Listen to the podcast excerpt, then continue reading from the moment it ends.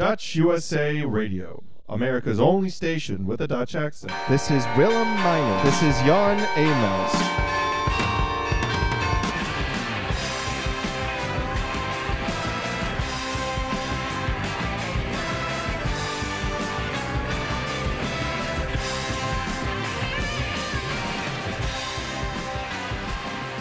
Dag allemaal, mijn naam is Jan Emaus, te Hilversum. En uh, iedere week dan uh, praten we je bij over het wel en wee van Nederlanders in de Verenigde Staten. Deze zware taak verricht ik niet in mijn eentje, dat doe ik samen met Willem Meijners. Dag Willem, waar ben je? Dag Jan, ik zit in uh, het hoge noordoosten van Amerika, in Bangor in Maine. Eigenlijk beter bekend als het enige Willemstad van Amerika. En um, als we uh, naar de kaart kijken in Amerika voor je ziet, heb je dus aan de rechterkant heb je de Atlantische kust, aan de linkerkant uh, de Pacific. En daar in de Heartland, in de mainland, ligt um, uh, een aantal staten, waaronder Ohio. Een van de mooiste stedennamen in Amerika komt uit Ohio, Cincinnati. En net even ten zuiden van Cincinnati uh, ten zuiden van de rivier, zit Hans Filippo. En dat zit hij al, Hans Filippo, sinds welk jaar? 1978. Ja, moet je je voorstellen. Hier hebben we een emigrant te pakken die al um, meer dan 40 jaar in Amerika woont. Ja, en Hans, ik hoor je nou net al wat zeggen. Uh, ik ken Nederlanders in Amerika die na vijf jaar al bijna onverstaanbaar zijn in het Nederlands. Maar bij jou hoor ik helemaal niks wat dat betreft.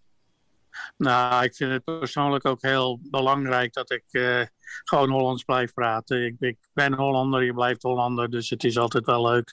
En ik, ik ga graag terug naar Holland en dan uh, ja, nee, ik vind het persoonlijk belangrijk dat, uh, dat ik gewoon Hollands blijf praten. Er zijn wel nieuwere woorden dat ik af en toe zeg van, goh, wat leuk, die, die, die ken ik helemaal niet, omdat ik al zo'n tijd weg ben. Maar ik doe het zelfs met mijn kinderen, die zijn 34 en 32, hier geboren en getogen. Maar die spreken ook vloeiend Hollands, hoor. Nou, daar kan je wel een beetje aan horen dat het Amerikanen zijn, maar ze kunnen het gewoon volgen en ze kunnen gewoon terugpraten. En, dus die gaan ook regelmatig mee naar Holland. Eh, Hans, als je uh, thuis komt, dan is um, Nederlands de taal die jullie onderling spreken?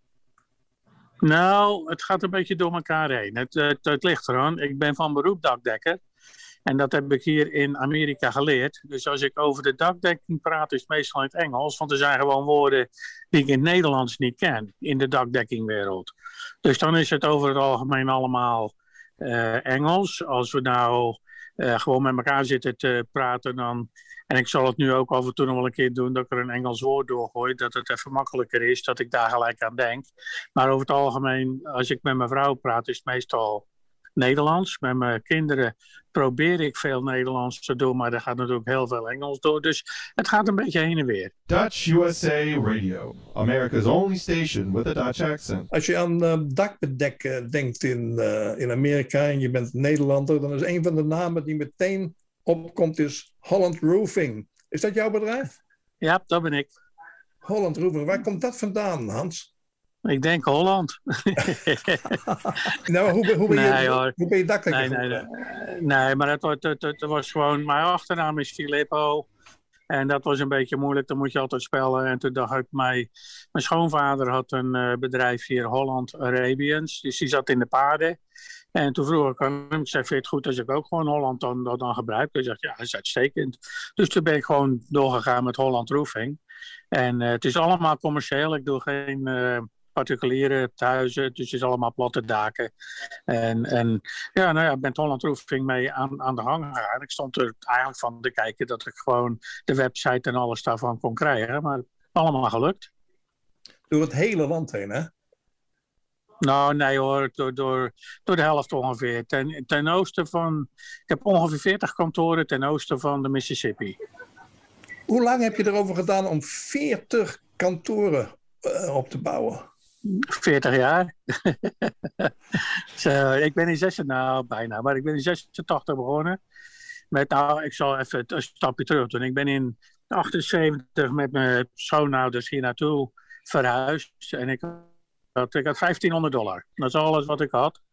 En daar ben ik mee aan de gang gegaan, voor een dakdekker gaan werken. En voor drie jaar, en toen voor hem een nieuwe zaak opgezet, dat drie jaar gedaan in 86. Is mijn zoon ook geboren, ben ik de Holland Roofing ook, ook, ook begonnen. En ja, nou, toen, toen, toen gewoon langzaam door, doorgedraaid. Ja, de eerste vijf jaar natuurlijk met één zaakje. En uh, te, tegenwoordig proberen we zo'n vier nieuwe per, per jaar erbij te doen. Wat is de verste zaak van jou verwijderd? Holland Roofing vestiging? Costa Rica. Fantastisch. Fantastisch. Ja. de Verenigde Staten van Costa Rica. Ja, nou ja, niet helemaal, maar goed. Dat was weer een ander ding waar we mee bezig waren. Dat is, er zijn een hele hoop uh, goed afgestudeerde mensen in Costa Rica. Die zijn nog heel goed te, te, betalen. Dus ik heb daar een kantoor geopend om de back-office support te doen. En uh, nou, dat ging helemaal als een, als, als een trein, heel goed. En toen, toen was de manager, dat is ook een Hollander, Pieter Hornstra, die in Costa Rica zit. En die komt van uh, Delft af, van, van de, school. Was een engineer en die moest naar Costa Rica toe om zijn laatste ding te doen daar. En is daar met een Costa Ricaans meisje getrouwd. En die is daar blijven hangen en wij zijn samen daar aan de gang gegaan. En toen waren we een paar jaar bezig en gezegd, joh, laten we hier ook gaan dakdekken. Nou, is goed. Dus nou, toen zijn we daar ook gaan dakdekken, dus dat doen we nu ook. It ain't much if it ain't Dutch USA Radio. Ik zit net te bedenken, uh, jij zegt net van nou, ik, ik, ik heb nu kantoren in zeg maar de helft van de Verenigde Staten. Als ik dat vertaal naar Europa, dan ja, als je in Europa zou zitten, zou je dus in ieder land van Europa een kantoor hebben, bij wijze van spreken. Ja, nou ja, dat, dat, dat klopt. Want je hebt natuurlijk hier doe je het bij de staat.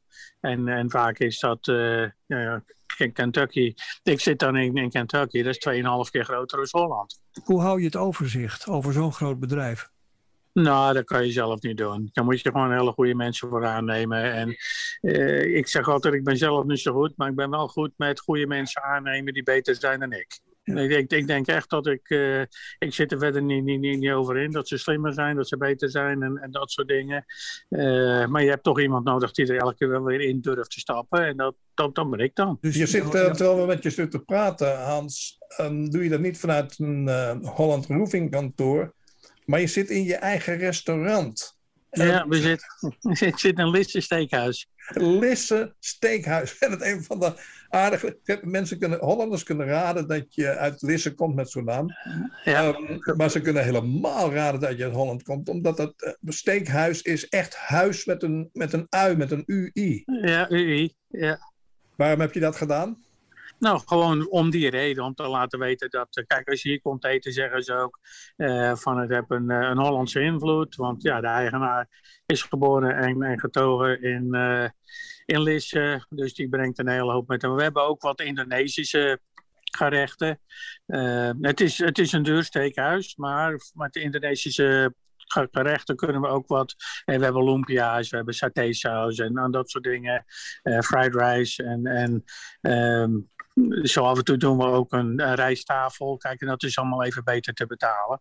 En zeker nu met, met al het meat wat nou zo omhoog gaat qua prijs. En daarnaast heb je ook nog een, ik vind dat fantastisch, een hele opzomming. Je hebt ook nog een bar, de House of Orange bar. Ja, ja, ja, ja, ja. dus ik was bezig met, uh, met, met, met voetbal. Ik had mijn eigen voetbalteam en toen COVID hit heb ik dat eigenlijk mee, mee gestopt. Want ja, je, je moet die, die, die, die jonge jongens, die moet je, moet ze een huis geven, je moet ze eten geven, je moet alles doen. En er gebeurde verder helemaal niks. Maar daar met hand in hand, dat was uh, de Cincinnati Dutch Lions. Zo, en dat was van, van iemand anders en dat heb ik gekocht. Maar er is ook de Dayton Dutch Lions. En de Dayton Dutch Lions is nu FC Cincinnati.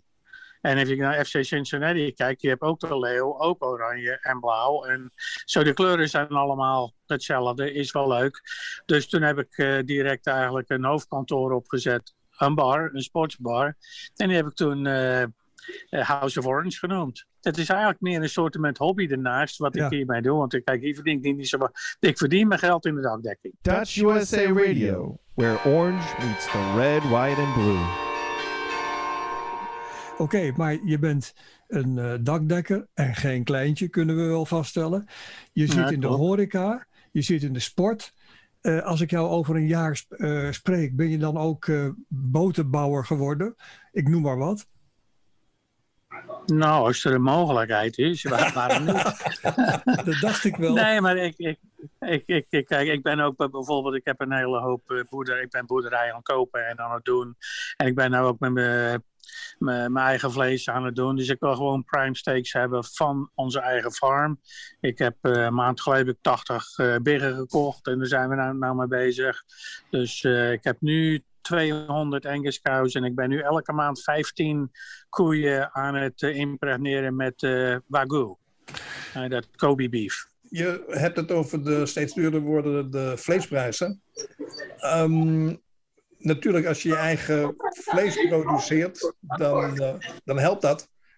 Maar waar zie je dat naartoe gaan, die vleesprijzen? Verder omhoog of uiteindelijk wel omlaag?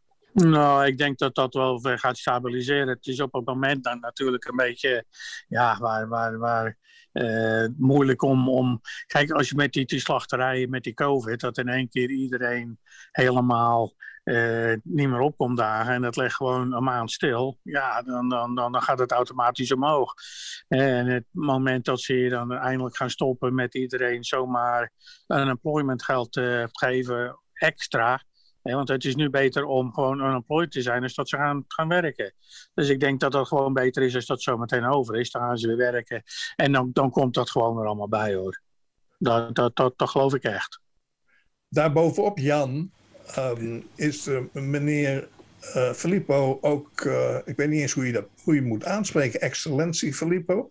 Want Hans, je bent ook nog ja, nou, um, honorair consul. Nou, als ze de paspoort kwijt zijn, dan kan ik een nieuw paspoort voor ze schrijven. Dat soort dingen.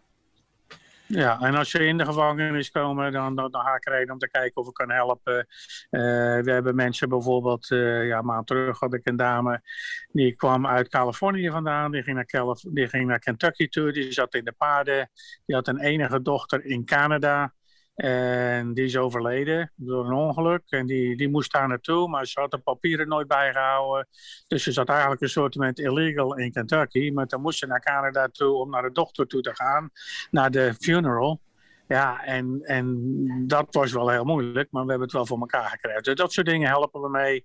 Gewoon om, om te zien uh, hoe Hollanders die dan hier in Amerika zitten, die ja, de dingen vaak niet helemaal goed doen, of er staat net iets, iets fout, ja. dat we dan uh, klaarstaan om direct erin te springen om te helpen. Je vertelde dat je uh, nog steeds graag in Nederland komt. Ja. Uh, nou, wat ik dan altijd interessant vind, mensen die lang niet in Nederland zijn geweest, heel lang in het buitenland wonen, zoals jij.